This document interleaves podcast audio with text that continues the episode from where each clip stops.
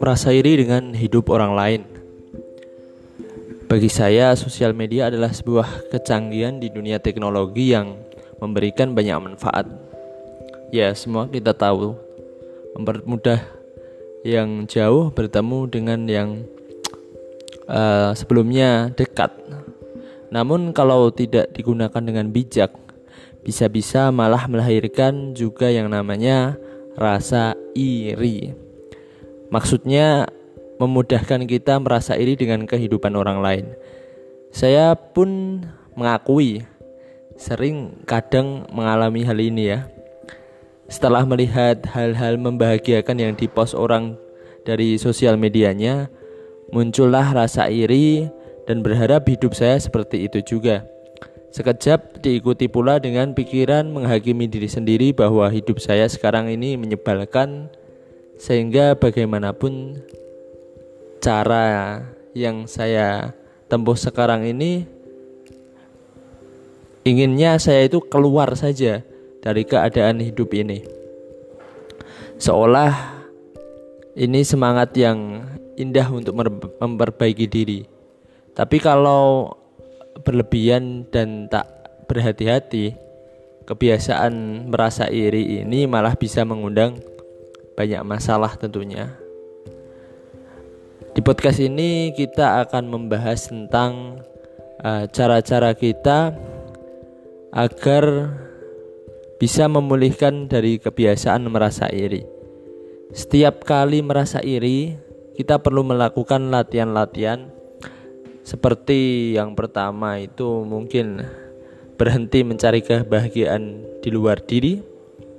Maksudnya kita berpikir kita akan bahagia asalkan hidup kita seperti hidup orang lain, terutama seperti yang di post sosial media teman-teman atau yang kita follow. Padahal bahagia itu bukan soal hal-hal di luar diri, tapi lebih tentang rasa berkecukupan menjalani hidup kita saat ini ya di sini ini maksudnya di kehidupanmu sekarang ini. Terus yang kedua mungkin kamu bisa sadari diri bahwa diri kita saat ini ya diri kita ini diam hening walau sejenak. Dan sandarkan nafas tubuh dan berbagai berkah indah walau sederhana yang kita terima saat ini.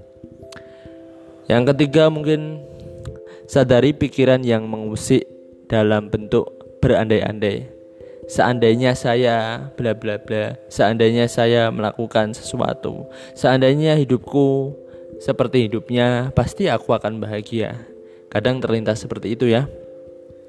Tidak perlu terlalu percaya dengan pikiran itu. Kenyataannya, kalaupun hidup kita sudah seperti orang lain yang kita damba-dambakan, kemungkinan besar tetap saja kita masih berkeluh kesah dan tidak bahagia dan orang lain yang kita lihat hidupnya begitu bahagia itu ternyata tidak sebahagia yang kita kira. Seorang teman dulu pernah berandai-andai seandainya aku punya pasangan hidup pasti aku akan bahagia. Namun sekarang apa yang terjadi? Meski sudah punya pasangan, dia tetap merasa tidak bahagia.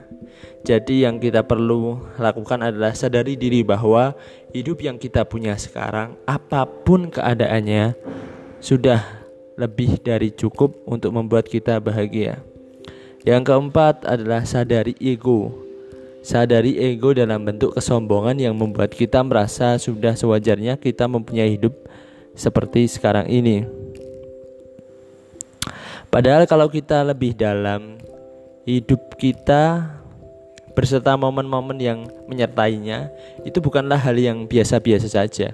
Itu semua enggak muncul, tidak akan muncul begitu saja layaknya bim salah bim sulap. Namun momen saat ini di sini kini merupakan keajaiban. Sesederhana sadarilah keajaiban dalam tubuh, pikiran dan napas yang kamu dapatkan. Intinya, semesta dan kemulai tariannya membuat momen ini tersaji di setiap mata kita. Kita mendapatkan hak yang sangat istimewa untuk menjadi saksi percikan-percikan keindahannya.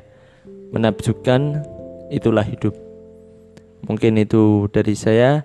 Kita sambung di podcast-podcast yang lainnya.